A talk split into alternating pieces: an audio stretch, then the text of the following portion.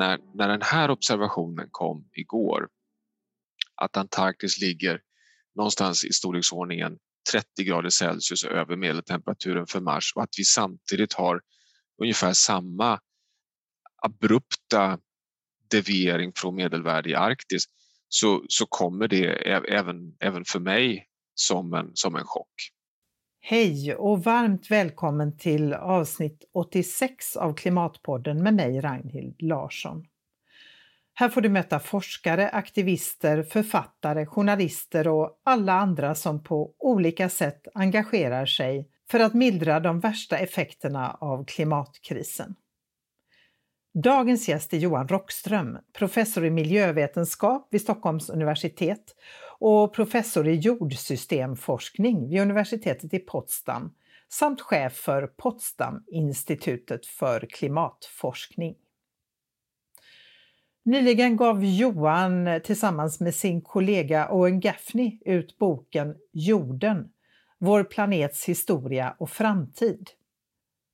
Där beskriver de vår planets fascinerande historia från den anhopning av gaser och partiklar som kretsade kring solen och som gjorde livet möjligt på vår planet till Homo sapiens angrepp på detta liv och denna planet.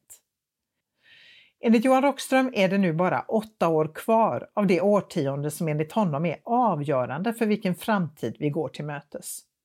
Utsläppen av växthusgaser måste halveras till 2030 och det innebär utsläppsminskningar på 7% varje år. Vi har inte börjat ännu och det finns alldeles för lite som pekar på att vi kommer att klara det. Ord går ännu inte till handling och det gör mig djupt oroad, säger Johan Rockström. Jag träffade Johan på Zoom den 22 mars för att prata om hans forskning. Efter vårt samtal så kom den senaste rapporten från FNs klimatpanel IPCC och underströk ännu en gång hur ytterst allvarligt läget är och hur extremt lite tid vi har på oss. FNs generalsekreterare Antonio Guterres sa i samband med publiceringen att eh, klimataktivister ibland beskrivs som farliga radikala. Men det är de länder som fortsätter att satsa på fossila bränslen som är kriminella. Ja, det är på många sätt väldigt deppiga och dystopiska tider vi lever i. Och själv känner jag att jag liksom börjar få slut på orden. Det finns inget mer att säga.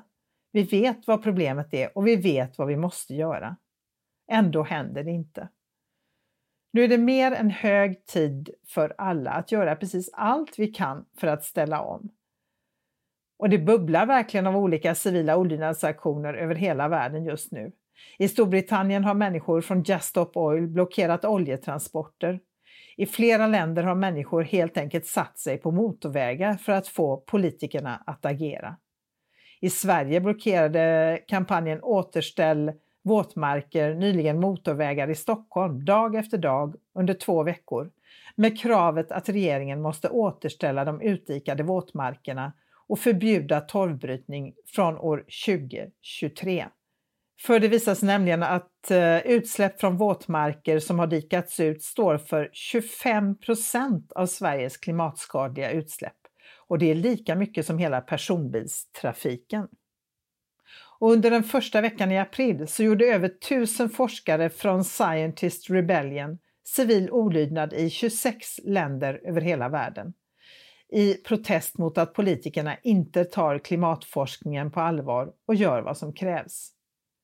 En av forskarna i Peter Canos som tillsammans med tre kollegor kedjade fast sig i Chase Banks kontor i Los Angeles som står för enorma eh, fossila investeringar. Ett hundratal poliser i hjälmar och sköldar sattes in för att gripa dem. Och vill du höra mer av Peter Camus så intervjuade jag honom i avsnitt eh, 75. På söndag så startar fossilupproret med Extinction Rebellion i Stockholm som kräver att staten slutar subventionera fossila bränslen. Johan Rockström menar att civil olydnad förvisso fyller en viktig funktion, men han eh, menar också att det skulle kunna skada hans trovärdighet som klimatforskare om han samtidigt blev aktivist och började föra fram åsikter. Han tycker istället att det bästa sättet att utnyttja honom är att se till att han kan fortsätta att producera granskade vetenskapliga artiklar och att han hjälper alla aktörer att använda den kunskapen. Om det är någon gång man vill att tekniken ska fungera felfritt så är det när man intervjuar Johan Rockström. Men under vårt samtal så la ljudet helt plötsligt av och gick inte att få igång igen. Så jag fick leta upp en äldre dator innan det fungerade och därav den något sämre ljudkvaliteten. Och jag hoppas att ni har överseende med detta, för Johan Rockström är väl värd att lyssna på. Som du som brukar lyssna känner till så är Klimatpodden helt reklamfri.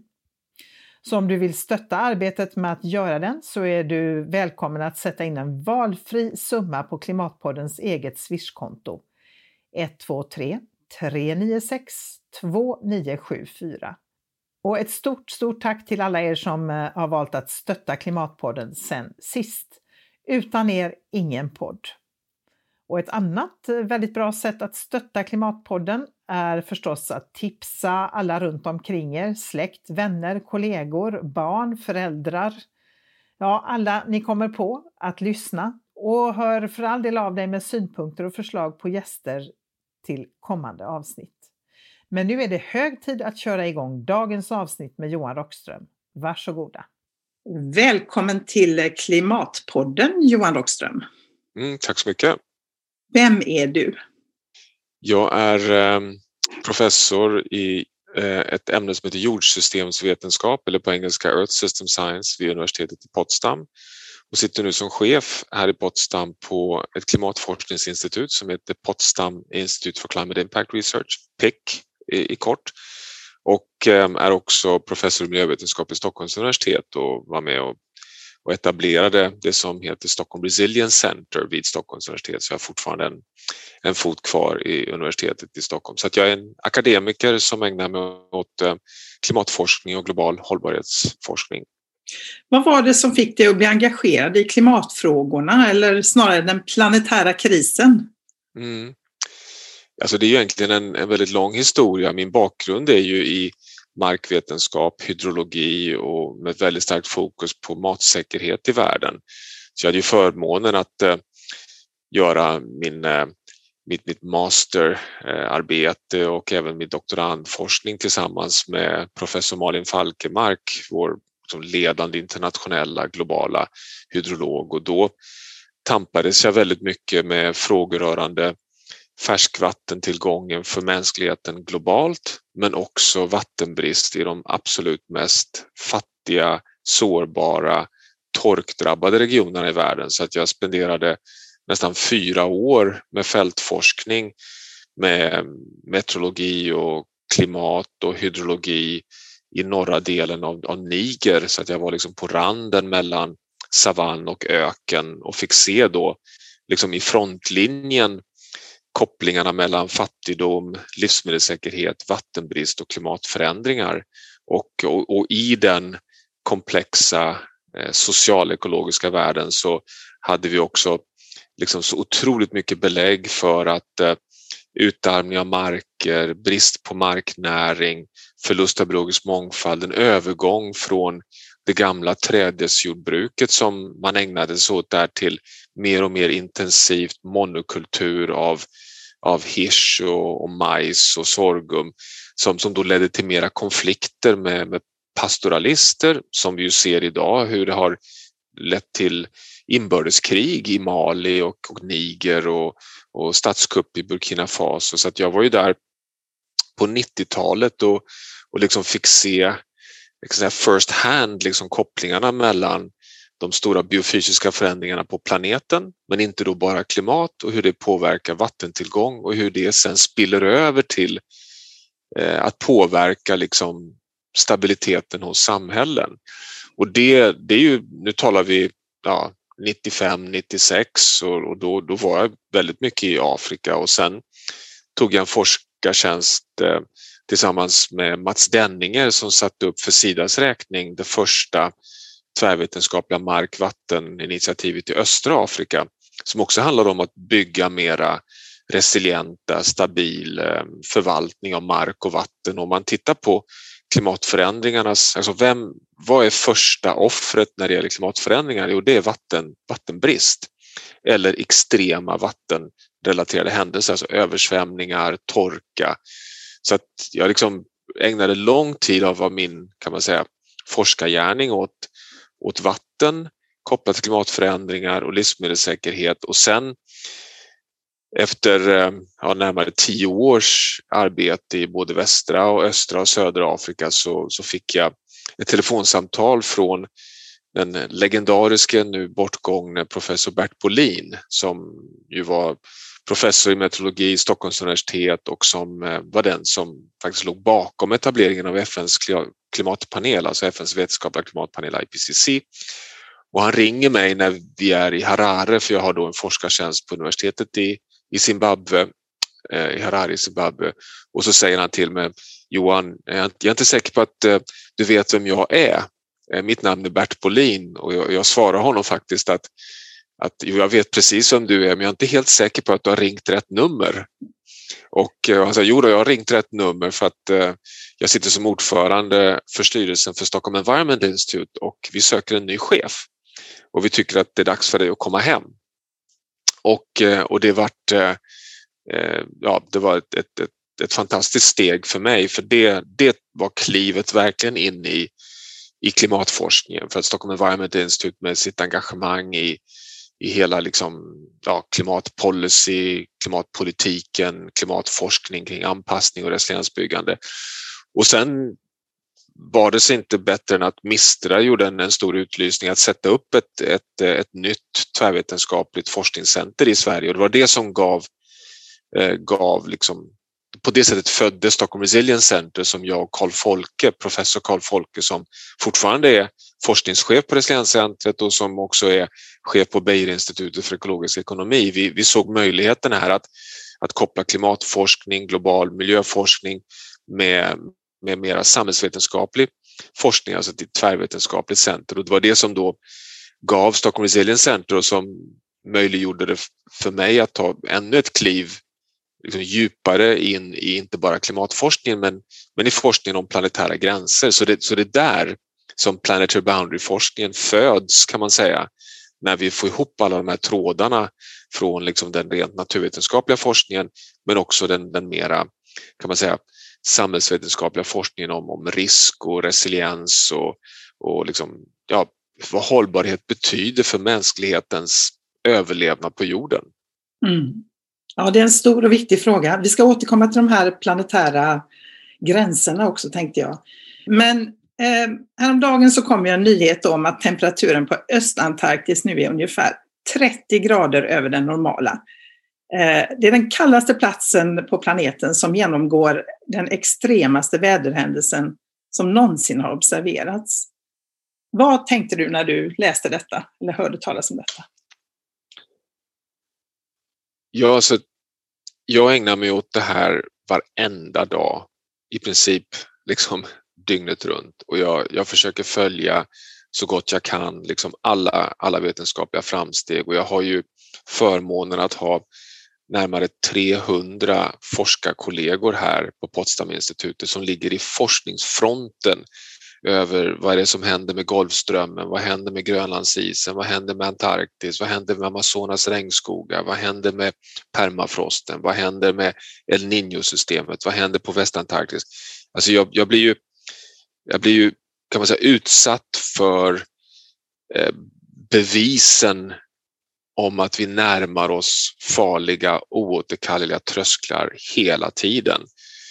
Men trots det ska jag säga att när, när den här observationen kom igår, att Antarktis ligger någonstans i storleksordningen 30 grader Celsius över medeltemperaturen för Mars och att vi samtidigt har ungefär samma abrupta deviering från medelvärde i Arktis så, så kommer det även, även för mig som en, som en chock. Det, det var oväntat Eh, trots att vi ser så många tecken på att vi rör oss, inte, inte bara att vi rör oss snabbt på en ökad medeltemperatur på jorden, alltså att vi har nått 1,2 graders global medeltemperaturhöjning, vilket är en jättestor höjning, alltså det är den varmaste temperaturen på jorden sedan vi lämnade den förra istiden för 20 000 år sedan. Så att aldrig i den mänskliga civilisationens historia på jorden har vi haft så hög temperatur som nu. Så vi har liksom slagit igenom taket av maxtemperaturen. Men trots det så, så är liksom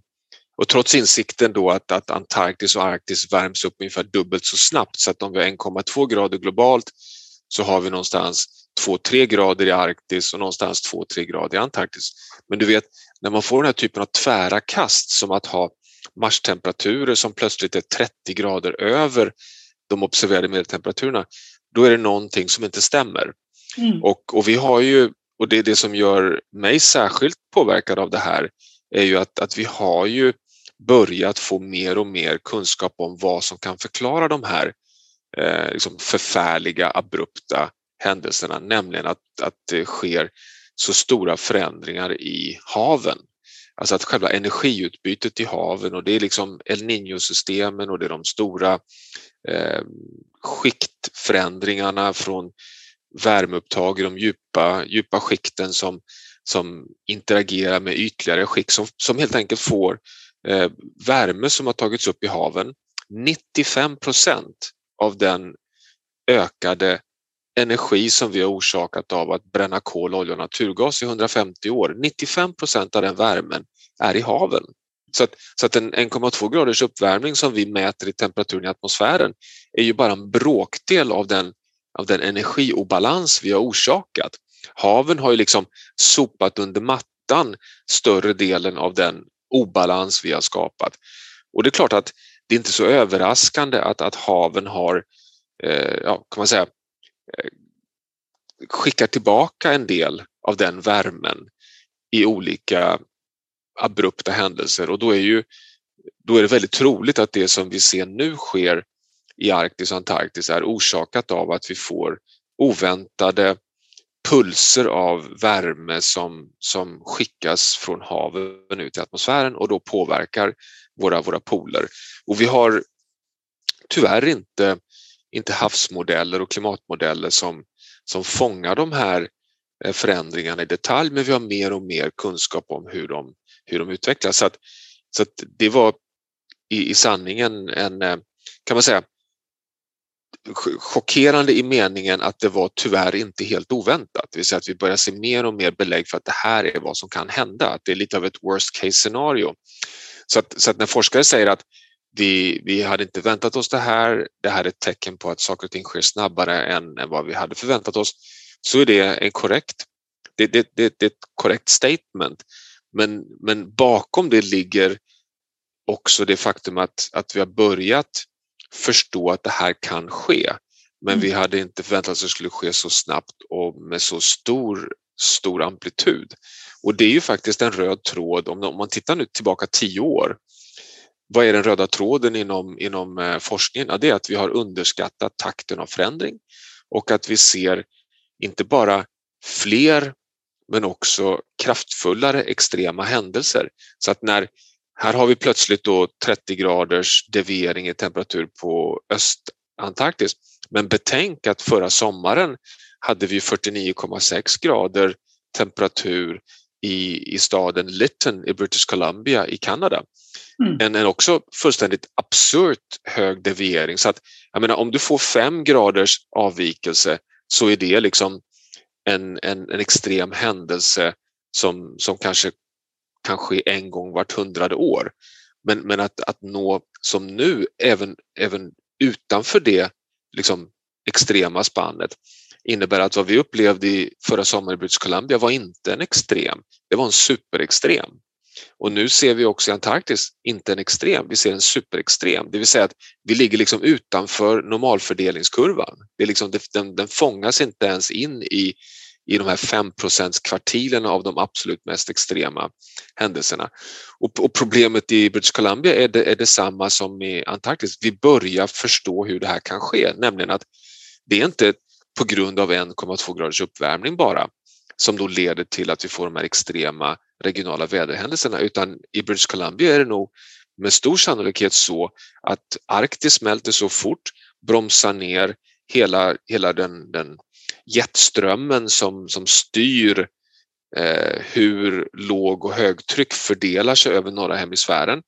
Och när jetströmmen bromsar ner så fastnar också låg och högtryck och det här var en, en, en typisk så kallad omega dome, det vill säga att, att jetströmmen bromsar ner och låser in ett högtryck som då fastnar över, över den här delen av Kanada och leder då till en torka och värmebölja av helt, helt extrem, ja, en helt extrem temperatur.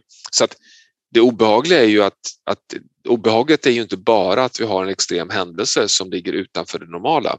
Obehaget är ju också att vi börjar se mer och mer belägg för fysiken bakom. Och, och då kan det ju hända igen och då kan det ju hända oftare och då kan det ju bli ännu värre. Så att det, är en, eh, det, är en, det är verkligen otroligt viktiga varningar vi får från, ja, från jordsystemet. Ett av de största problemen verkar vara att de flesta inte har förstått hur djup och omfattande klimatkrisen eller klimatkatastrofen faktiskt är. Och i eh, er bok eh, Jorden, eh, vår planets historia och framtid, som du har skrivit tillsammans med Owen Gaffney, så skriver ni att om människor blev medvetna om vad vi står inför skulle allt förändras över en natt. Så frågan är, hur ska vi människor bli medvetna då? Mm. Ja, det är ju ehm, en, en, en, en avgörande fråga och eh, som ju har debatterats ganska mycket eh, genom åren och det har funnits en uppfattning eh, under lång tid att man ska vara försiktig med att eh, kommunicera för negativ miljöinformation till, till liksom medmänniskor runt om i världen. Och ehm, jag kommer till slutsatsen, och jag tror att eh, väldigt många runt om i världen har insett eh, hur felaktig den synen har varit. Att, eh, att, det, att det är precis tvärtom. Att eh, vi är eh, som människor, samhällen, väldigt, väldigt duktiga på att eh, ta in Eh, information och agera på information. Pandemin är ett väldigt bra exempel hur man kan eh, hålla presskonferens klockan 14.00 varenda dag och informera om all negativ information som, som drabbar oss och att det hjälper oss att, eh, att, att resa oss och lösa problemet. Och Jag tror att det är en, en del av lösningen, att, eh, att inte rygga tillbaka. Att helt enkelt lägga alla kort på bordet och kontinuerligt ligga på kurs och informera alla om det som händer. Och där har ju media ett enormt ansvar och har ju i mångt och mycket misslyckats genom att falla i den här fällan att eh, FNs vetenskapliga klimatpanel släpper sina rapporter vart sjunde år. Och då, då hanterar man klimatforskningen ungefär som ett OS. Man, man liksom mobiliserar när IPCC kommer ut med sina rapporter. Och mellan rapporterna så är det, är det av någon anledning eh, liksom lugn och ro. Och, eh, och, och här eh, slår vi ett slag i boken av att man måste eh, göra ungefär som i sportvärlden. Alltså man, man rapporterar inte bara om OS, man har VM varje år och för att man ska kvalificera sig till VM så har man regionala tävlingar och man har nationella tävlingar och det är sport varenda dag. Jag tror att det måste vara liksom klimatnyheter varenda dag. Mm. På samma sätt som vi varenda dag informeras om hur det går på aktiemarknaden. Och det gör ju inte att, att du eller jag på frukostbordet tycker att aktiemarknaden, gud vad spännande att se siffrorna ännu en gång. Samma siffror som var där igår i princip. Men lik förbaskat tittar vi på dem.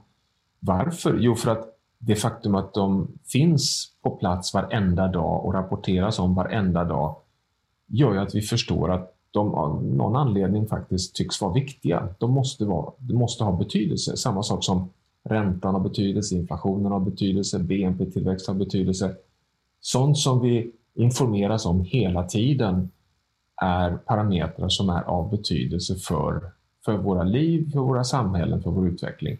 Och där, dit måste också biologisk mångfald, färskvatten, näring, kemikalier, föroreningar, klimat också placeras.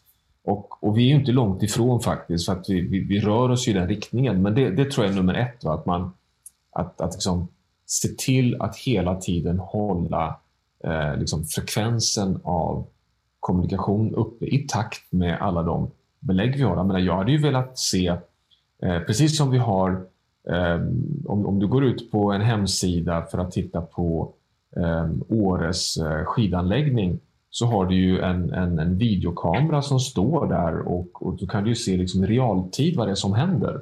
Mm. Jag skulle vilja ha exakt samma realtidsupplösning eh, på vad som händer med Grönlandsisen, med, med korallreven, med Amazonas. Jag skulle vilja ha liksom kamera på i princip varenda hektar eh, intakt natursystem vi har. Alltså att vi måste ha mycket, mycket mera intensiv planetär monitoring.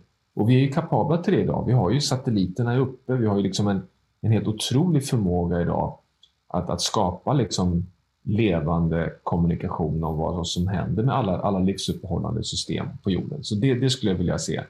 Men ovanpå det har vi ytterligare en insikt, nämligen att det går inte bara att mata med problem, man måste också mata med lösningar. Det vill säga att det, det är självklart så att du vill ju liksom, när du går till din doktor så, så vill du ju inte bli diagnostiserad med en förkylning om du har lungcancer. Du vill få rätt diagnos. Men du vill ju inte lämna läkaren utan att det finns någon, något tecken på att, att vi kan hitta en lösning på det här. Alltså vi kan, vi kan finna en behandling. Och, och så det är ju kombinationen och det är det som är så, liksom det, det, lilla hopp jag ser idag, det är ju att, att vi kan idag kommunicera båda de här delarna. Vi kan ge rätt diagnos. Riskläget är katastrofalt och vi kan ge det på ett övertygande sätt där vi inte behöver darra på manschetten för det finns inga osäkerheter kvar. Jag menar, visst finns det osäkerheter men vi behöver inte, vara, vi behöver inte tveka på vem som är orsaken och att riskerna är allvarliga. Men dessutom har vi ju så otroligt mycket att berätta om lösningarna. Vi kan ju till och med säga idag, kära du, vill du ha fred på jorden? Mm. Fasa ur, fasa bort dig från Putins gas och olja. Vill, vill, vill, du ha bättre hälsa och mera en, en, luft som du kan andas och, och, förlänga livet med flera år? Ja, då går det ju mot den fossilfria hållbara vägen. Alltså vi har så mycket, så mycket liksom ett positivt narrativ där den hållbara resan faktiskt är resan till både framgång, säkerhet, fred och hälsa. Och det där är ju, tror jag, är liksom paketet. Va? Att, eh, att inte rygga tillbaka på, på att lägga liksom alla riskkort på bordet, men samtidigt vara väldigt tydlig med att kursriktningen är inte en, en, en, en väg mot uppoffring, utan det är en väg mot nästa steg i den moderna mänskliga utvecklingen. Alltså det, det är liksom om du vill, om du vill verkligen följa en high-tech, modern, spännande frontväg in i framtiden, då är frågan den, väljer du kolgruvan eller väljer du batterifabriken i Skellefteå? Ja, men det är liksom, vad väljer du? Vilken väg är den mest attraktiva? Och det är ju den, det är, det är där vi måste på något sätt, och du vet, det är här det blir konfrontationer. För att det, det, är som om vi bara har, kan klara av en berättelse. Liksom, antingen fastnar man i domedagsberättelsen eller så fastnar man i, i liksom, allting löser sig med teknologi. Så mm. är det mm. inte alls. Eh, vi, vi, måste liksom kunna hantera båda de här verkligheterna eh, liksom i samma berättelse. Mm. Men varför gör vi inte det då? Jag menar, vi har all kunskap, det finns lösningar och ändå fortsätter vi väldigt mycket med business as usual. Ja. Alltså politikerna talar ju inte klarspråk, media talar inte klarspråk om detta.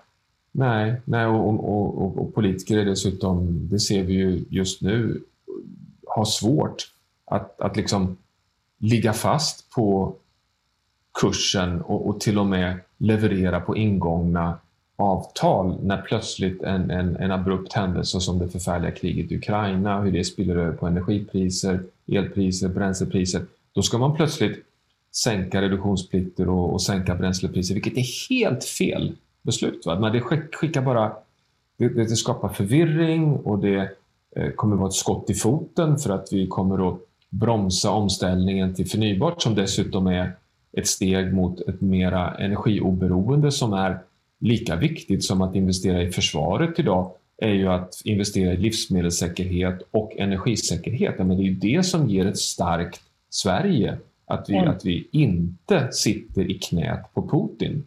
Och, eh, och, det där tycks inte våra politiker förstå. att det här är... Alltså jag, jag försöker ju nästan med en dåres envishet förklara att vi har ingen miljökris. Vi har en välfärdskris. Alltså, klimatet, den biologiska mångfalden, Östersjön, våra fjällnära skogar. Det är klart att det är miljö och natur, men de är själva grunden för hela vår moderna välfärd. Det är, liksom, det, är det som är basen för samhällsutvecklingen. Så att det här är inte miljö, miljöfrågor, utan det är frågor om säkerhet och utveckling. Och, då, och vad ska vi då göra för att, för att bryta igenom att få den kommunikationen att, att verkligen börja, börja fungera? Och jag tror att det finns två lösningar på det. Och, och den ena lösningen det är just att, att, att eh, eh liksom radera bort eller försöka att överge det här misstaget att placera allting som du och jag pratat om hittills i ett miljöfack. Och, jag, jag skulle ju helst vilja eh, liksom, att vi övergav miljöministerposten och att man inte ska ha ett miljödepartement eh, specifikt utan att de här frågorna ska in i statsrådsberedningen hos eh, statsministern och ligga liksom på, på samma nivå som, som finansdepartement och vara liksom en central del av, av hela regeringsarbetet. Så det är liksom ett steg att, att hållbarhet måste vara det som ramar in alla politikområden. Men, men det andra som, som är svårare, men som jag är rätt övertygad om idag, det är att vi är så nära oåterkalleliga risker, det vill säga att, att vi helt enkelt inte, ja, helt enkelt kommer för sent. Att, att vi klarar inte av att stoppa avsmältningen av Grönlandsisen till exempel. Och Det innebär att, att eh, eh övergången till en fossilfri värld måste gå så fort. Vi ska ju halvera utsläppen till 2030. Jag menar 50 procent på åtta år och vi fortsätter öka dem. Så att, så att vi, vi talar om, om en så gigantisk omställning. Så jag tror att det går liksom inte att, att, att säga att okej, okay, lösningen är att alla blir informerade och alla blir medvetna och alla vill bli hållbara och alla är villiga liksom att kliva på den här resan. Utan jag tror att man måste helt enkelt erkänna att att, att i, i, alla befolkningar i vartenda land i världen, inklusive Sverige, så finns det och kommer alltid finnas en stor majoritet, ungefär 80 procent av befolkningen, som är liksom varken för eller emot. Man, är liksom som, som människor är mest helt enkelt. Man har många utmaningar i livet och man eh, tänker första hand på liksom de omedelbara kriserna man möter. Och det är ofta jobb och hälsa och barn och skola och ekonomi. Och det är klart att man, man är inte emot hållbarhet eller, eller jättemycket villig att engagera sig för. Och därför tror jag att vad man ska göra är att erkänna att, att, att politik och näringsliv, teknologi måste, måste hjälpa samhället i den här övergången så att, så att den stora majoriteten av ganska indifferenta medborgare, medmänniskor, Eh, helt enkelt bara gör, tar de rätta besluten utan att, utan att egentligen vara särskilt engagerade i de här frågorna. Det vill säga, mm man gör rätt utan att veta att, att man gör rätt. Man gör rätt bara för att det är det lättaste, smidigaste, smartaste, billigaste. Eh, det, det bara, jag menar den dagen en elbil blir både billigare och smidigare så kommer alla att välja elbil jag menar, det, det, det, kanske finns en liten, liten, liten spillra av liksom, die hard förbränningsmotor-nördar förstås. Men, men betänk att till och med Harley Davidson, jag menar liksom själva, själva symbolen för den, den smattrande bensinosande motorcykelfirman kör ju nu elektriskt. Jag menar, de, de övergår ju till elektriska motorcyklar. Harley Davidsons chef Jochen Seitz har ju den visionen klar. Så att det, så jag tror att, jag, jag, tror att man ska inte underskatta Eh, behovet av att, att få med sig de stora massorna genom att helt enkelt bygga in hållbarhet, bygga in fossilfrihet, bygga in försvaret av biologisk mångfald centralt i liksom allt vi gör och hitta lösningar som helt enkelt gör att de hållbara vägarna till att välja boende eller energi eller bil eller konsumtion helt enkelt blir de, de, de smartare, mer högkvalitativa, bättre valen. Och, och, när det sker, då, då kommer liksom den stora majoriteten tippa över. Och när, när den stora majoriteten tippar över, då kommer liksom det här inte gå att vända längre. Och det är det vi börjar se inom bilindustrin. Alltså att, att det, att nu har det gått och blivit ett, en tävling. Jag menar Volvo Cars um, det var inte så många år sedan Volvo Cars faktiskt liksom visade ganska, ja, man skulle väl ha en del hybridbilar möjligtvis. Men, men det var inte så att det här var liksom ett huvudspår. Och nu, nu går man all in. Nu är det mm. bara elektrifiering som gäller. Men man är ju väldigt sen på bollen. Man är väldigt sen på bollen. Eh, man är så sen på bollen så man kan ju till och med spekulera att Saab hade kanske överlevt om man hade gjort vad Nevs gör nu mm. redan när man hette Saab.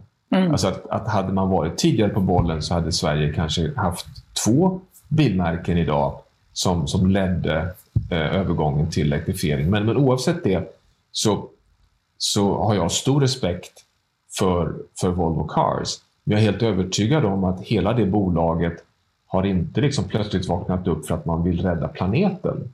Utan jag tror att man har vaknat upp för att man vill överleva som företag. Och, och, och det är bra. Mm. Jag, jag, tror att det är, liksom, det är då det börjar verkligen hända saker. När, när man liksom ser att vägen till hållbarhet är också vägen till framgång.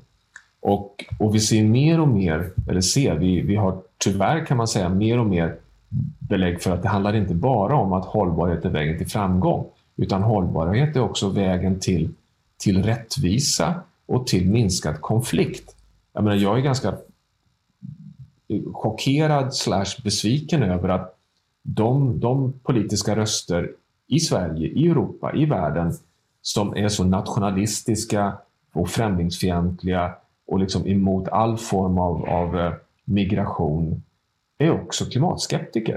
Mm. Men hur, hur kan det vara? Hur, hur kan man vara så, så liksom, in, inte förstå att om jag är emot migration och vill att folk i Algeriet, eller Tunisien, eller Egypten, eller Chad, eller Niger eller Burkina Faso kan leva i sina länder och, och, ha liksom, och undvika att de kraschar och, och liksom tvingas över Medelhavet till Europa. Att det bästa man kan göra är ju att investera i att lösa klimatkrisen. Mm, eller hur? För klimatkrisen är det som kommer driva folk på flykt. Mm. Och liksom, den där motsägelsen är ju egentligen fullständigt obegriplig. Och, eh, och det är klart, vad kan vi göra åt att, att, att, att slå hål på den? Ja, det, där, där, det vet jag faktiskt inte. För där har vi problemet att, att om, om, man, om man tittar på liksom, om man är främlingsfientlig, om man eh, ifrågasätter vaccin, om man eh, är emot eh, hbtq-frågor, om man är klimatskeptiker. Alltså jag är ju helt övertygad om att det är samma människor. Alltså att det, att det är i princip samma kategori av personer. Och det är ju alltså personer som, som bara rent generellt är eh, liksom rebelliska och eh, man är emot all form av eh, eh, auktoritet och man är, liksom inte, man är, man är bara liksom man är bara kritisk, allmänt samhällskritisk oavsett vad det är som, som finns på den demokratiska paletten. Och, och, och jag, jag bedömer att den, den kategorin kan vi liksom inte vänta på. Vi kan inte vänta på att de eh, kan man säga omvänds, utan vi, vi måste tuffa på med de eh, andra 80-90 procent av befolkningen som, som inkluderar då de här indifferenta men också de, de väldigt, väldigt engagerade. Mm. Och de mm. engagerade som vi vet, de ligger någonstans på 5-10 procent i länder som Sverige men upp till 20 procent i länder som Tyskland. Så det är en betydande del av befolkningen. Så det finns ju verkligen starka allianser liksom, att röra sig framåt med. Och det, det, det, är så jag tror vi ska agera mer och mer och det är så vi agerar mer och mer också. Att, att hitta just eh, klubbar eller allianser som kan liksom tippa frågan mot hållbarhet och på vägen visa att, att det faktiskt ger bättre fördelar. Och vilken roll spelar då Greta, Fridays for Future, rörelser som Extinction Rebellion som håller på med civil olydnad i allt det här? Alltså all, alla aktörer har, man säger så här, alla, alla goda viljor, alla goda krafter spelar en otroligt viktig roll och Fridays for Future är ju en, en, en otroligt kraftfull och viktig rörelse i världen och, eh, och tycker jag lyckas ju med två saker som är liksom helt avgörande. Det ena är ju budskapet, lyssna på forskningen och agera. Alltså det, det är väldigt, eh, det, det, är helt fascinerande att de här kloka, unga generationen eh, liksom så tydligt pekar på att vi måste lita på forskningen och agera därefter. Men det andra som ju är ännu viktigare, det är ju att de representerar framtiden. Vilken, vilken rätt har, har du och jag, vi som är vuxna och är liksom eh, ja, ansvariga för förvaltningen av planeten just i det här tidssteget? Vilken, vilken rätt har, har du och jag att lämna efter oss en planet som är i ett sämre skick än den planet som du och jag föddes på? Och, och, och det är ju det tycker jag är liksom filosofins huvudfråga idag. För att det, vetenskapligt är den väldigt precis den frågan. För att den, den tid det har tagit för oss att ta oss från ett, ett bra tillstånd på jorden till ett väldigt riskfyllt tillstånd på jorden är ungefär 50 år.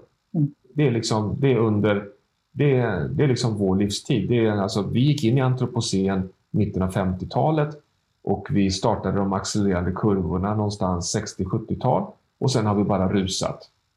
Så jag, jag, känner mig ju, kan man säga, i någon mening dubbelt engagerad, både som ansvarig. Jag har ju varit med på den här resan, du har varit med på den här resan. Och sen dessutom med alla insikter vi har. Så, så Greta och alla unga, duktiga Fridays for Future-aktivister, de har ju en sån otroligt stark de har så, en så stark eh, liksom, berättelse. Va? Men de har ju liksom, deras verktygslåda är ju den, är den mest eh, välfyllda som, som finns. Va? I och med att de, de kan verkligen stå rakryggade och säga att det här är fullständigt oacceptabelt.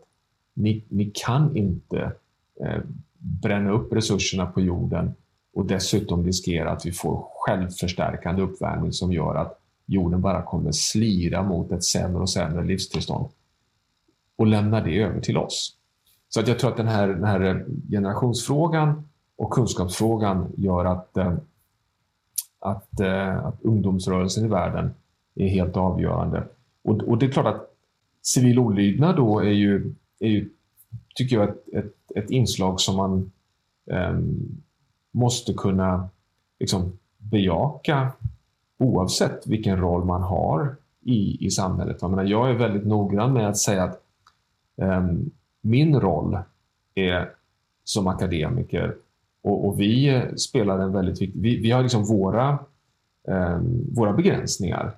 För att, eh, för att vi ska upprätthålla vår trovärdighet i samhället så måste vi hålla oss inom liksom, sfären av att ta fram kunskap på ett transparent, objektivt sätt som alltid kan granskas. Vi, vi ska liksom inte stå på barrikaderna och, eh, och, och fungera som aktivister för att det kan underminera trovärdigheten i, i vår forskarroll. Men samtidigt så ska vi ju kunna hålla, hålla eh, de som bedriver civil olydnad i händerna genom att förmedla och leverera och, och liksom kommunicera forskning till alla aktörer. Om det är Extinction Rebellion, eller om det är Fridays for Future, eller om det är Greenpeace eller vilka det är. Och det där tycker jag är, är modellen. Va? Man kan, det är väldigt, väldigt ofta så görs man... Du vet, det, var, det är ett klassiskt inslag i den här Leonardo DiCaprio-filmen Don't Look Up.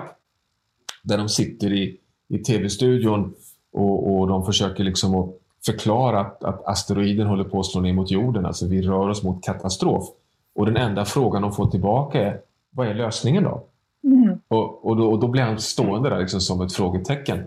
Och det här är ju som ett klassiker. Va? Att att som, om, som om vi eh, eh, liksom klimatforskningsnördar också ska ha liksom, svar på alla frågor. Det är klart vi inte har. Nej. Och, det, och det, ska man inte, det ska man inte förvänta sig. Och det vore ju liksom helt fel dessutom för att det, den, vi, vi spelar ju en roll i, här, i den här liksom resan och aktivisterna spelar sin roll och civilsamhället spelar sin roll. Men näringslivet och politiker spelar sin roll och att, och att alla liksom, måste vi interagera på ett sätt som, som knuffa hela den här frågan framåt. Så, att, så jag är, blir ganska störd av när man, när man liksom eh, när, när, man kan nästan få såna här besvikelser som uppstår när hur kan du som sitter med all den här kunskapen inte liksom agera ännu mer och vara ännu mera ja, var, varför ser vi inte dig bedriva civil olydnad? Och då säger att det vore jättedumt om jag gjorde det. För att vad, det bästa sättet att utnyttja mig är ju förstås att, att, eh, att säkra upp att, att vi fortsätter producera våra, våra granskade artiklar och kommunicera dem och hjälper alla aktörer att, att använda den kunskapen. I samma stund som, eh, som, som jag står och, och, och, och skriker på, på barrikaderna så kommer ju trovärdigheten i, i, i, den forskning och det institut som jag leder att, att dala. Så det, men, det är, ja, en, fin, var... en fin linje va? Ja, men varför? För jag tänker, du agerar ju på den kunskap du har tagit fram. En sak är att jag förstår att det tar ju tid. Om man ska hålla på med civilolina så tar det tid från din forskning. Eh, jag läste nu, vad heter han, Peter Camus, som jag också har intervjuat eh, i eh, Kalifornien, som skulle vara med i Scientist Rebellion, tror jag, och göra civil olydnad just. Mm. Och han ifrågasatte just varför det var så få andra av hans kollegor. Jag tror han, han kände till tre i hela USA eller något mm. som var beredda att göra det. Men, eller hur tänker du att din trovärdighet skulle minska? Alltså det, det första skälet är att Um, om man, om man liksom befinner sig på barrikaderna så är det, ligger det väldigt nära till hands att man framför åsikter. Mm. Det vill säga att okay, jag, jag sitter på kunskapen. Kunskapen säger att vi måste vara fossilfria till 2050. Okej, okay, men, men hur ska vi uppnå det då? Ja, då översätts det till åsikter. Och åsikten kan handla om eh, eh, vilken typ av eh, kollektivtrafik vi ska ha eller, eller hur mycket man ska subventionera eh, vindkraftsindustrin. Eller om man ska mm, skydda samekulturen för att kunna säkra betesmarker där i norr. Och då, och då hamnar man i... Jag, jag, jag kan som privatperson, eller jag kan, jag har som privatperson åsikter om det här. Mm. Eh, och, jag, och jag använder min, min medborgarrättighet eh, när vi går till val var fjärde år och jag liksom agerar som medmänniska. Men, men jag tycker inte att jag ska, jag ska som forskare vara försiktig med att liksom, eh, gå ut och, och liksom allt för starkt liksom engagera mig i, den, i det politiska opinionsskapandet. Och det, och det är den, det är den liksom gråzonen som jag tycker man ska vara försiktig med. Mm. För, att, för, att, eh, för att det kan, det kan leda till att, eh, att man uppfattas som att man liksom kliver ur sin, sin forskarroll. Och det är klart, man kan ju säga så här också att, att jag, jag går i ett demonstrationståg som privatperson, inte som, som professor på ett universitet. Men, men det är väldigt svårt som, ja, som offentlig person att skilja på de där rollerna. Alltså samhället uppfattar det inte som att det är eh, olika personer. Så, så, det, så det är den ena aspekten. Den andra aspekten är ju tyvärr, kan jag säga, att, att det, det, är ju inte så vackert där ute. Alltså, det, det finns så många onda krafter där ute. Det finns så många som, som jag menar, det är fortfarande så att jag menar, om jag liksom, uttalar mig eller, eller har en intervju, eller jag kan säga till och med den klimatpodden så, så, kom, så blir det ett bombardemang av eh, skeptiker som, eh, som kastar sig på och folk älskar smutskastning. Och, eh, så det, det, är också en, en risk va, som, som ständigt finns där. Liksom att eh, om, om man kliver allt för långt bort från liksom, det som är den vetenskapliga rollen så finns det också en risk att man, att man helt felaktigt också utsätts för en, en smutskastning som då kan leda till att, att man eroderar liksom, trovärdighet. Mm. Så det finns liksom olika aspekter här. Men, men jag håller med om att det här har ju också lett till att, att forskare är för försiktiga. Mm. Men du har, ju, du har ju säkert många akademiker som inte ens skulle ställa upp på en sån här klimatpodd i samtal med dig eller, eller som är väldigt eh, obekväma med liksom att, eh, att, att sitta i Aktuellt eller Rapport eller vad det än må vara. För att man, man känner att det, är liksom, det är inte värt risken. Mm. För, att, för att vad jag än säger så kommer det liksom vändas på något sätt emot mig. Och, och det där är ju någonting som jag också känner att vi är liksom på väg bort ifrån. Det blir, det blir mer och mer tycker jag, jag menar, i, i, takt också med riskläget men också i takt med att vi har... Jag menar, IPCC till exempel har ju aldrig um, använt ett så, ett så kraftfullt språk som i den här sjätte rapporten. Jag menar, det är ju helt, helt otroligt va, att uh, jag menar, vi har ju i över 15 års tid uh, haft väldigt vad vi kan kalla för kraftiga slutsatser och, och varningar. Men jag har ju publicerat en artikel där jag pratar om ett planetary emergency mm. för tre år sedan. Tre år sedan. Men nu kommer IPCC 2022 med sin huvud, sitt huvudbudskap är att klimatförändringarna redan idag hotar mänsklig välfärd i världen och hela planetens hälsa. Det är, huvud, det är huvudbudskapet från IPCC som liksom är det mest, ja, kan man säga, det mest konservativa eh, i och med att det är liksom den, den, ja, den minsta gemensamma nämnaren hos, hos alla klimatforskare, vilket ju är ännu, ännu en större utmaning att få alla att ställa upp på, på samma budskap. Så att jag, jag, jag, jag känner nog att vi, vi rör oss i en riktning där eh, vi har liksom Science for Future, vi har många forskare som är väldigt nära, mm, backar upp med kunskap till, till Greta och alla hennes kollegor och vi jobbar ju mycket närmare med näringslivet idag än vad vi gjorde bara för tio år sedan. Så att vi, det är ingen tvekan om att, att forskningen liksom är, är, är duktigare på att, att hantera den här integriteten men ändå engagera sig mera i samhället. Mm. Men, men det är ändå någonting man ska... Vi, vi har, jag tror att det går, det går inte en dag här på Potsdaminstitutet utan att vi har någon sån här fråga liksom om... Um, jag, menar, jag inte om du kommer ihåg det, men det var en rätt jobbig situation här i Berlin bara för något år sedan när ett, ett gäng ungdomar hungerstrejkade. Det. Eh, och det var rätt obehagligt för att de, de hungerstrejkade på riktigt. Och, och det var ju för att de ville få Angela Merkel, regeringen då, precis innan valet, att träffa dem, att prata med dem om att höja ambitionsnivån för, för, eh, för Tysklands klimatpolitik. Och och då vände de sig till oss, alltså ungdomarna vände sig till oss på Potsdaminstitutet att fungera som medlare. Att vi skulle liksom kliva in och vara en brygga mellan de här hunger, ja, ungdomarna som, som, ja, som, som hungerstrejkade och, och eh, förbundskanslern Angela Merkel. Och, eh, och vi gjorde det. Eh, det var min, min företrädare John Schellenhuber som, som klev in och fungerade som en medlare. Men jag kan säga att det var det, det, det är ett exempel på en, en, en väldigt känslig, en känslig situation för oss att hantera. Mm. Ja, verkligen.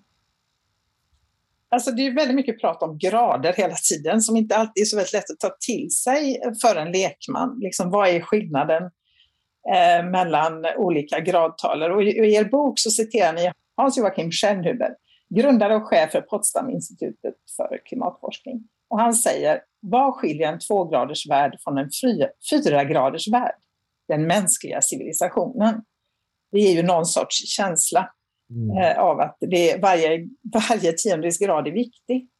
Men eh, då pratar man ju väldigt ofta fortfarande om en och en halv grad, att vi ska hålla oss som enligt Parisavtalet, om möjligt hålla oss under en och en halv grad. Eh, och det låter ibland som att det vore möjligt fortfarande, men är det verkligen det? Är det någon som tror på det? Mm. Alltså till att börja med så um, är ju det en av kan man säga, där, där vi forskare inte har varit tillräckligt duktiga att förklara att liksom en grads global temperaturhöjning är liksom ett jätte, jättestor temperaturhöjning. Som, som jag sa tidigare, jag menar, den, den varmaste temperaturen på jorden sedan vi lämnade förra istiden var liksom en grad högre än den förindustriella temperaturen. Så att vi har ju redan liksom slagit igenom den varmaste temperaturen på jorden sedan vi lämnade förra istiden. Och, och hur är det i en djup istid? Då är det fyra grader kallare. Så liksom eh, kilometer av, av is ovanför våra huvuden i, i Sverige är liksom fyra grader kallare.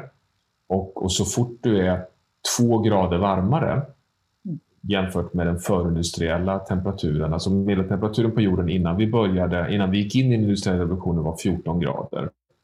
Och eh, eh, två grader har vi inte sett på jorden under de senaste tre miljoner åren. Så att du måste alltså backa tillbaka tre miljoner år, hela kvartärperioden, för att ens komma i närheten av två graders uppvärmning. Så det, det är bara för att visa liksom vad, vad mycket det är att, att höja medeltemperaturen med någon grad. Så, så när John Schellenhuber drar slutsatsen att skillnaden mellan två grader och fyra grader är liksom skillnaden mellan en civilisation och en icke beboelig planet, så, så stämmer det. För att fyra grader, det är, det är en plats vi har inte sett på jorden under de senaste fem miljoner åren. Så då, var, då var liksom planeten utanför ens sin konfiguration, alltså med atmosfär och biosfär så som den ser ut idag.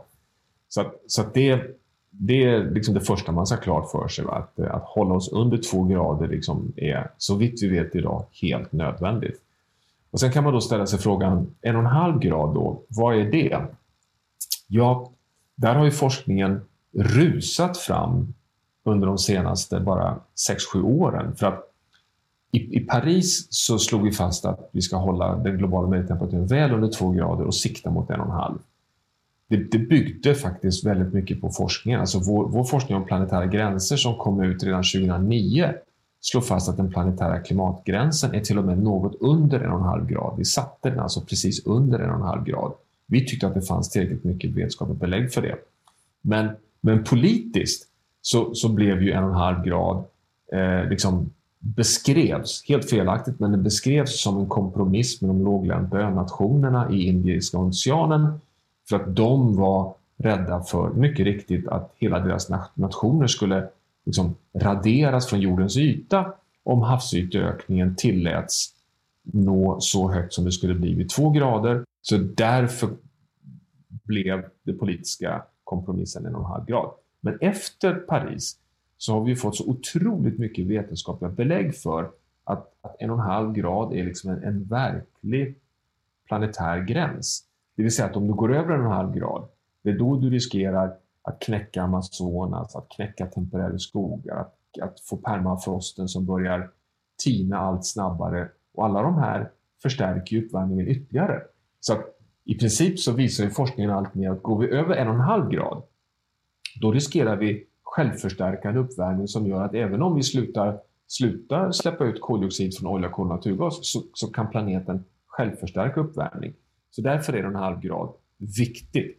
Och din fråga är då, kan vi fortfarande klara en och en halv grad? För vi är på 1,2, men inte nog med att vi är på 1,2. Vi har ju fortfarande, liksom det, det, är en, det är en sån långsam återkoppling i hela jordsystemet så att mycket av uppvärmningen är liksom redan inbyggd. Och vi kommer liksom, även om vi skulle stänga ner alla utsläpp idag så kommer, så kommer temperaturen fortsätta öka. Eh, bara, bara på grund av alla de uppvärmande växthusgaserna som vi har släppt ut, alltså kväveoxid, metan och koldioxid. Men dessutom, dessutom är det så, vilket ju är liksom den stora paradoxen, att alla våra luftföroreningar, alltså all, all den skitiga luft vi har i städerna, den kyler planeten. Och den planetära gränsen, alltså de här aerosolerna, alltså alla de här eh, ja, småpartiklarna i luften som orsakar smog, som gör att mindre sol, eh, solstrålning når marken och reflekteras tillbaka. Det fungerar liksom som, en, som ett kylande skikt. Den barriären bedöms kyla planeten med så mycket som 0,3-0,4 grader redan idag. Så, att, så, att vi, så vi har ju i princip redan byggt in nästan en och en halv grad, det vill säga att vi har 0,1-0,2 grader som ännu inte har förverkligats. Och så har vi kanske 0,3-0,4 grader som ligger dolt på grund av att vi har alla luftföroreningar. Och, och, och vi vet ju idag att, vi, att det är mycket större sannolikhet att vi renar våra städer än att vi fasar ur fossila energikällor. Så, att, så att vi, det är mer troligt att vi lyckas som Peking gjorde under OS, nämligen stänga ner kolkraftverken så får vi ren luft. Och då, och då blir det också en, en, en, en större solinstrålning som kommer in. Så på det sättet ska man säga att, att en och en halv grad är liksom verkligen i fara. Men vi har inte nått dit riktigt ännu. Och det finns, eh, jag menar, tittar man på den senaste IPCC-utvärderingen eh, och, och nästa rapport kommer ju om bara några veckor, så kommer den eh, visa att, att vi har nog kommit till en punkt där vi kommer inte kunna undvika en och en halv grad. Alltså vi kommer ha vad som kallas för en overshoot, alltså en period då vi går över en och en halv grad. Vi kommer nog nå en och en halv grad 2035, 2040 och så kommer vi kanske gå upp till 1,7 2070, 2080 och sen kommer vi om, om, vi, om vi verkligen stoppar, om vi blir fossilfria som vi då har lovat någon gång 2050, alltså om vi, om vi nollar till 2050, då kommer vi nog ha ett, ett, ett par årtionden av overshoot och sen kommer vi kunna successivt komma tillbaka till en och en halv grad mot slutet av det här århundradet. Varför? Jo, för att om vi inte sabbar naturliga ekosystemen på land och sabbar haven för mycket så kommer de fortsätta att ta upp koldioxid. Eh, allt mindre, men dock fortsätta att ta upp koldioxid. Så det, så det blir liksom en, en förmåga som bygger på det som vi kallar för planetens resiliens. Och, och det är nog det bästa, det, det är nog den bästa framtiden vi har, bäst, bästa framtidsutsikten. Att, att ändå tyvärr då gå över en och en halv men komma tillbaka. Men förutsättningen är ju alltså att vi fasar ur de fossila energikällorna till noll på rekordtid, det vill säga halvera utsläppen varje årtionde. Alltså följa precis svensk och europeisk klimatlagstiftning, men också det som USA nu har, har bestämt sig att göra, alltså att vara, vara på netto noll till 2050. Kommer det här fungera?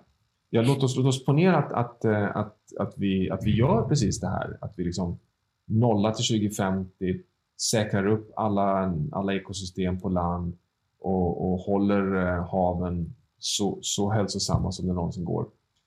Då finns det fortfarande ett stort, stort frågetecken och det är ju under de här årtionden då vi går över en och en halv, när vi alltså påfrestar Grönlandsisen och permafrosten och alla jordar och alla systemen så mycket som 1,6-1,7.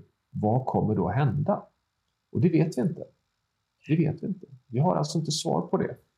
Det kan leda till så extrema väderhändelser, det kan leda till ännu mer. Vi pratade tidigare om Antarktis och det var faktiskt inte 30 graders deviering utan det är 40 graders deviering till och med från medeltemperaturen i Mars. Får vi fler sådana händelser när vi är uppe på 1,7, när det händer redan idag på 1,2, då finns det ju en risk att det triggar igång oåterkalleliga förändringar som gör att det kanske inte går tillbaka till 1,5 igen. Så det är det ena stora problemet. Det andra stora problemet som vi inte talar så mycket om det är ju att vi vet att det som kan rädda oss är haven. Det vill säga att havet tar upp, fortsätter ta upp koldioxid. Idag tar havet upp ungefär 25 procent av våra utsläpp av växthusgaser från fossil förbränning. Om haven fortsätter göra det, vilket vi alltså räknar med, vilket är det som kan göra att vi kan landa tillbaka på 1,5, så kommer ju haven försuras hela tiden. Mera koldioxidupptag leder till pH-sänkning i haven som förstör eh, det biologiska livet i haven. Alltså korallrev och också alla, alla, alla djur som har kalkskal. Alltså allt ifrån små djurplankton till, till eh, större snäckbildande arter. Och, eh, och det här kan ju leda till en kollaps av marina ekosystem på grund av havsförsurningen som orsakas av koldioxiduttaget. Så, att, så det är ju inte... Så, så vad blir slutsatsen av allt det här? Och slutsatsen blir ju att, att, även om vi riskerar att gå över en och en halv så har vi ju mer stöd än någonsin att vi måste göra allt vi kan för att sikta mot en och en halv och att var tio, varenda tiondels grad räknas. Så jag menar, 1,6 är bättre än 1,7 och 1,7 mm. är bättre än 1,8. Det, det gäller liksom att, att verkligen göra, göra allt vi kan i det här läget. Mm. För jag möts ibland, faktiskt inte minst av eh, den yngre generationen, av inställningen att det är ändå kört. Mm. Eh, och eh, Ja, alltså vad svarar man ens på det? det, är ju, det är ju, eh, och då ger man upp. Liksom. Då, mm. då tänker man det är lika bra, jag kan leva på, jag försöker göra det bästa av mitt liv här och nu. Jag har även intervjuat vad heter han, Roy Scranton som ju är väldigt dystopisk mm. och i princip tycker att vi alla ska sätta oss ner och meditera för att ja, mm. det kommer ändå gå åt skogen. Liksom. Mm. Nej, och jag, jag är liksom väldigt stark, eh, starkt emot den synen. Alltså jag, jag, jag, delar inte den synen överhuvudtaget. Jag tycker det är helt fel. Eh, tvärtom. Alla, alltså, alla de här vetenskapliga beläggen vi har och det faktum att vi, vi rör oss fortsatt i en väldigt farlig riktning och att vi till och med riskerar att förlora en och en halv grad, vilket inte är helt säkert ännu, men även om vi skulle göra det, så, så tycker jag att det ger ännu mera skäl till att, att göra allt vad vi kan för att hålla den globala uppvärmningen så begränsad som det någonsin går. Och som sagt var att, att var tionde grad räknas och att eh, vi, alltså, den, den stora bilden är ju att mellan 1,2 och 1,5 kan vi nog hantera. Då får vi mera extrema väderhändelser, men de är hanterbara. Mellan 1,5 och 2 så, så tar vi stora risker att vi knäcker specifika system som riskerar att göra det allt svårare. Gå över 2, då går vi in i uncharted waters. Då är vi liksom i okänd terräng. Då, då, då finns det liksom väldigt stor risk att, att, att vi liksom knuffar iväg planeten på en oåterkallelig resa. Inte att vi trillar över ett stup omedelbart, men att vi liksom driver iväg på en, på en ostoppbar resa. Så mm. att, att hålla oss mellan en och en halv och två ger oss ju fortfarande chans till en, liksom, ja, en planet som, som kan stödja mänskligheten, som är liksom förvaltningsbar. Men vi ska under alla omständigheter hålla oss borta från två. Så att även om liksom forskningen visar att allt, alla insatser ska gå till att klara en och en halv, så, så är ju som sagt 1,6 bättre än 1,7 och så vidare. Så att man ska, liksom att det finns, det, att, att, att nu liksom ge upp och sätta sig ner och meditera skulle jag vilja påstå är liksom det, det absolut mest felaktiga steg man kan ta i det här läget. Ja, och ibland är det nästan som att, jag menar, jag har också vänner som kan säga så, de är alltså mm. medvetna på något sätt, de är mm. inte klimatförnekare, men för mig blir det också lite grann nästan lättja då. Alltså mm. då slipper man göra någonting, för det är ändå kört. Ja. Alltså det blir en ursäkt för att fortsätta med sitt liv som vanligt, ja. inte engagera sig. Liksom.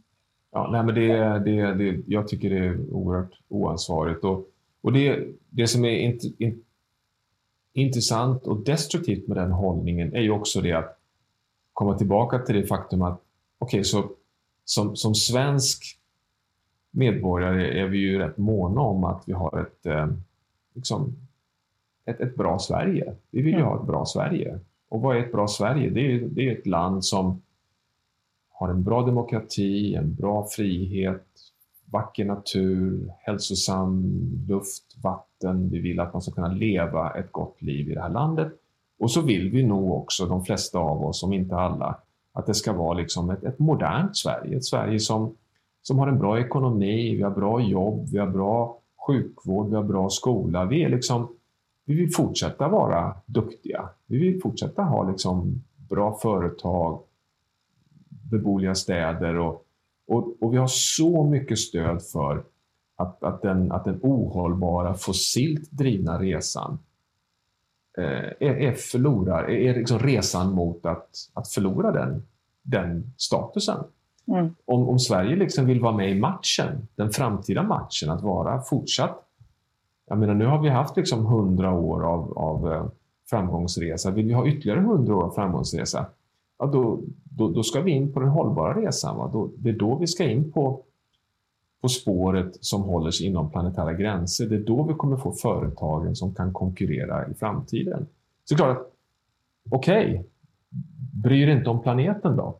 Bryr dig bara om Sverige? Så finns det ändå skäl att liksom göra allt för den här omställningen. För omställningen är, är liksom omställningen till den nya avancerade framtida moderniteten. Och det där är ju och det är ju, vi har ju till och med belägg för att alla talar om FNs eh, Agenda 2030 och de globala hållbarhetsmålen. Ja, vi kan inte leverera de globala hållbarhetsmålen utan en övergång till hållbar matproduktion. Det finns inte möjlighet till det. det är liksom, man kan liksom inte... Vi har tre miljarder människor som går hungriga. Vi har 50 miljoner människor som håller på liksom att svälta ihjäl just nu. Och vi har snart ja, två miljarder till medmänniskor på jorden. Och vi kan inte expandera jordbruket mer. Vi har expanderat liksom, till vägs ände. Så, och så ska vi likt förbaskat om åtta år ha raderat all hunger i världen. Och så, och så säger man sig, hur ska det här gå till? Ska, ska vi köra ytterligare en ohållbar grön revolution där vi sabbar ännu mer grundvatten och utarmar jordar och, och förorenar med kemikalier och kör monokulturer i industriell skala som inte kan hantera torka eller översvämningar och sjukdomar? Självklart inte. Utan vi måste ha en övergång till ett lantbruk som binder upp kol, har bättre vattenhållningskapacitet, har bättre effektivitet i att cir cirkulära system för fosfor och kväve så att vi slipper att bara liksom industriellt plocka kväve här och övergöda Östersjön där. Jag menar, allt det här är ju liksom förutsättningen för att nå de sociala, ekonomiska och politiska målen vi har.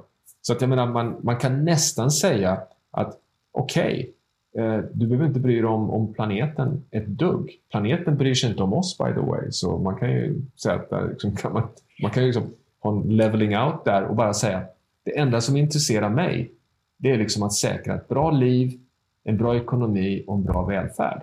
Ja, då, då, även då är det här vägen framåt. Mm. Och, och, det där är liksom det är ju, och jag tror att där har vi misslyckats. Va? Vi, vi, vi blir för mycket miljövetare liksom, som håller på att prata miljö hela tiden. Och, och, och miljö är, är liksom helt avgörande, men, men, det, men det placeras i ett, i ett fack, vilket är mm. ett dilemma. Mm. Men, eh, men alltså i boken så pratar ni också om det här då med, det hänger ihop med detta tänker jag, med evig tillväxt på en eh, begränsad planet och att det är ju inte möjligt. Men samtidigt om jag förstår dig rätt så är, tror du inte heller på nedväxt, degrowth, som man ju pratar en del om idag. Att, eh, alltså vi, istället för att vi fortsätter som nu men vi ersätter det med mm. grönt. Alltså vi ersätter allt med, vi byter bort det fossila och ersätter det med gröna alternativ.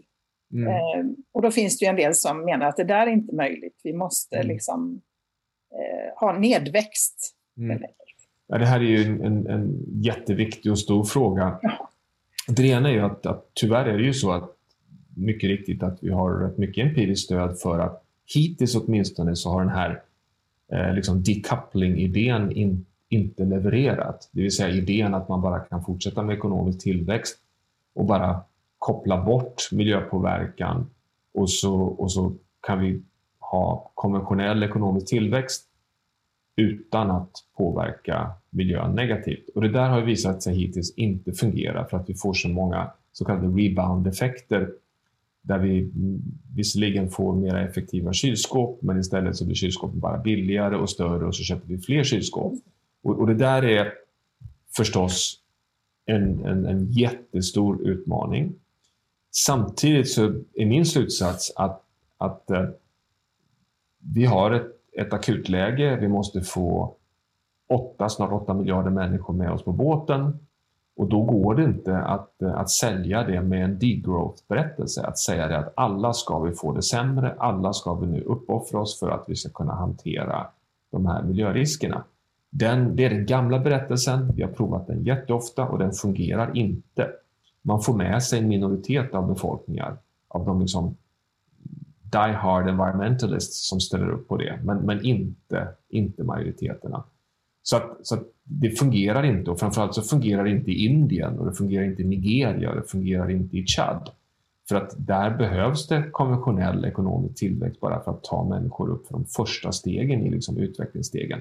Men samtidigt så är det faktiskt så, precis som min kära vän och kollega Tim Jackson har visat i sina böcker om, om, om prosperity without growth, att länder som har nått långt i sin ekonomiska utveckling, som Sverige, har ju, har ju kommit till en mättnadspunkt där, där den ekonomiska tillväxten faktiskt går väldigt långsamt.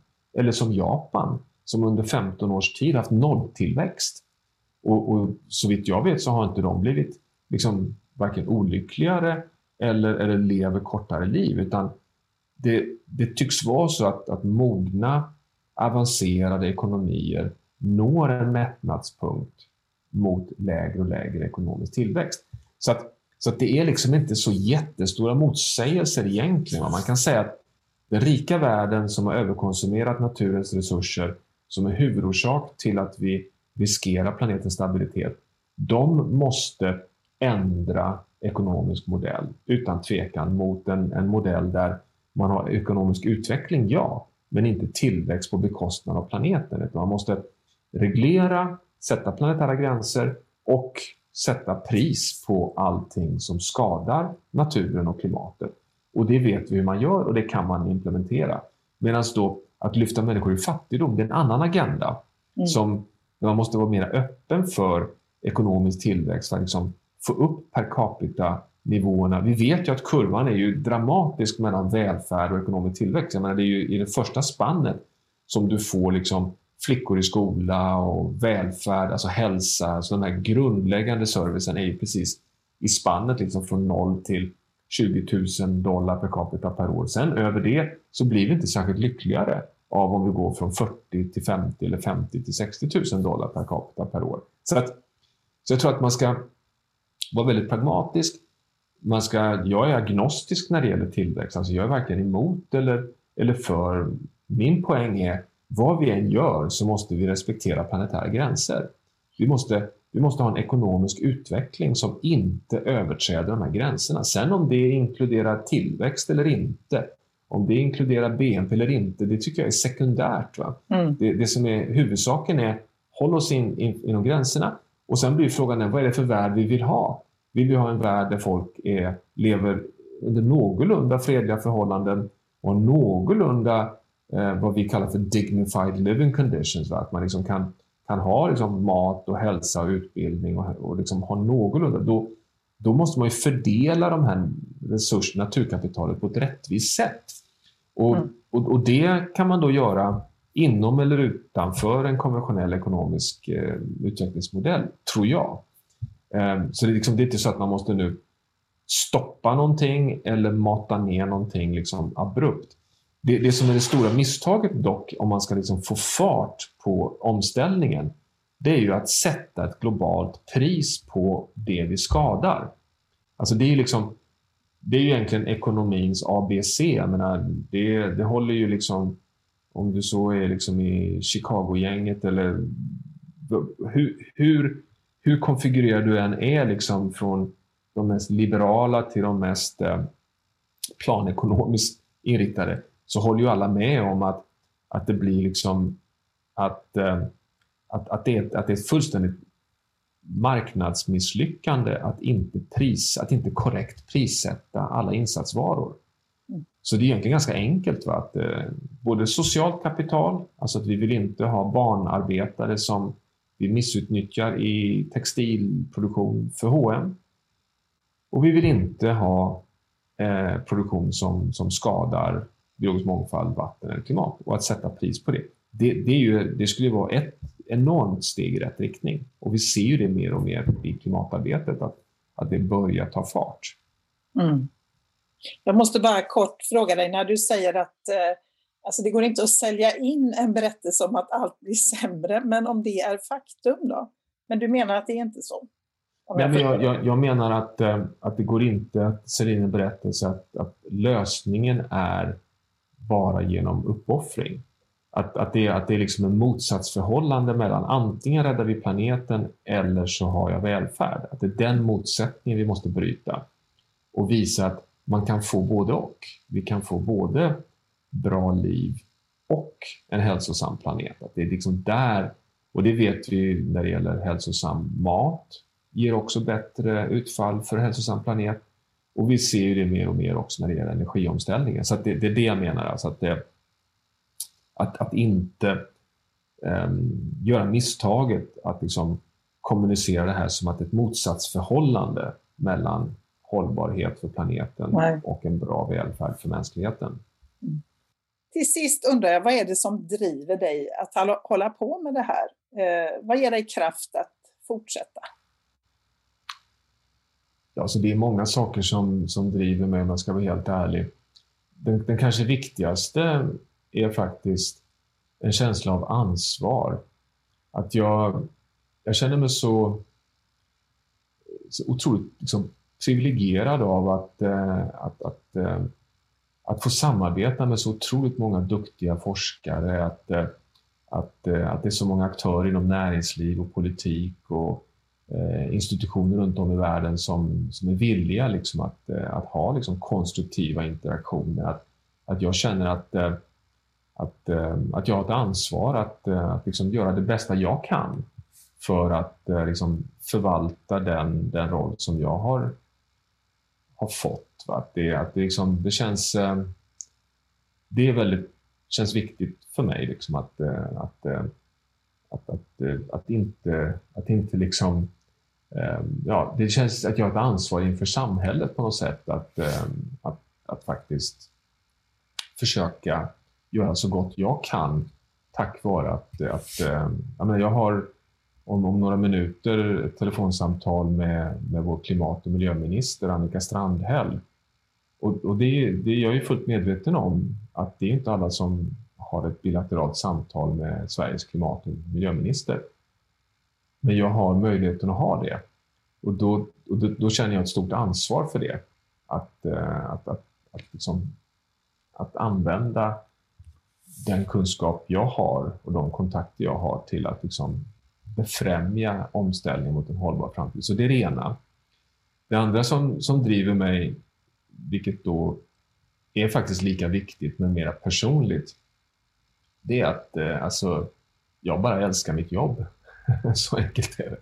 Alltså jag, jag, bara, jag bara tycker att det, det låter nästan lite löjligt, va? men alltså jag, jag är, att, att, att få en, en vetenskaplig artiklad, eh, artikel som har överlevt en, en peer review-granskning och publiceras i en eh, prestigefylld vetenskaplig tidskrift, det är liksom det är halleluja moment.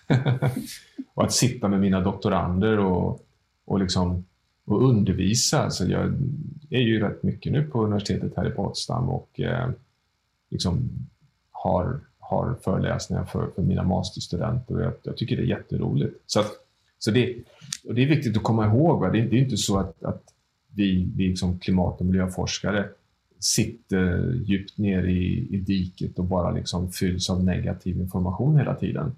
Vi, vi har ju ganska roligt också. Va? Vi, eh, vi, vi har ju väldigt, en väldigt kreativ miljö och jag har ju liksom fantastiska kollegor runt om i världen som jag liksom jobbar med hela tiden. Va? Och, eh, så, så det är ju det är den andra delen och, och, och det är också en, en viktig drivkraft. Och sen eh, slutligen så tycker att eh, det är eh, det, det, det, är ett speciellt skede just nu där, eh, där vi har möjlighet att få så otroligt... Alltså det, det har hänt så mycket bara de senaste tio åren liksom i våra möjligheter att, eh, kan man säga, att, att diagnostisera hela planeten och liksom ha, ha ett grepp om, om hela det här systemet. Och det är klart, det är också någonting som är en, en drivkraft att liksom försöka få ut den kunskapen. Och jag, jag, är så övertygad själv om att det är det som behövs nu. Att förvalta på ett klokt sätt. Att bli planetära planetskötare, som jag säger på svenska, eller planetary stewards. Och liksom, jag kommer aldrig ge upp det. Jag kommer liksom bara stånka på. Liksom som, om, om det så blir som Don Quixote och väderkvarnarna eller, eller inte, det spelar inte så stor roll. Men jag, men jag, liksom, jag kommer att det, det, det, det driver mig liksom framåt hela tiden och på ett, på ett positivt sätt. Alltså jag tycker att det, så, så det är klart att det finns jobbiga tillfällen men det är också väldigt mycket som är, är stimulerande och, eh, och liksom kan, kan driva på den här eh, agendan framåt. Mm. Tack för allt jobb du gör Johan Rockström för en bättre värld, en beboelig planet och tack för att du var gäst i Klimatpodden. Mm, tack själv.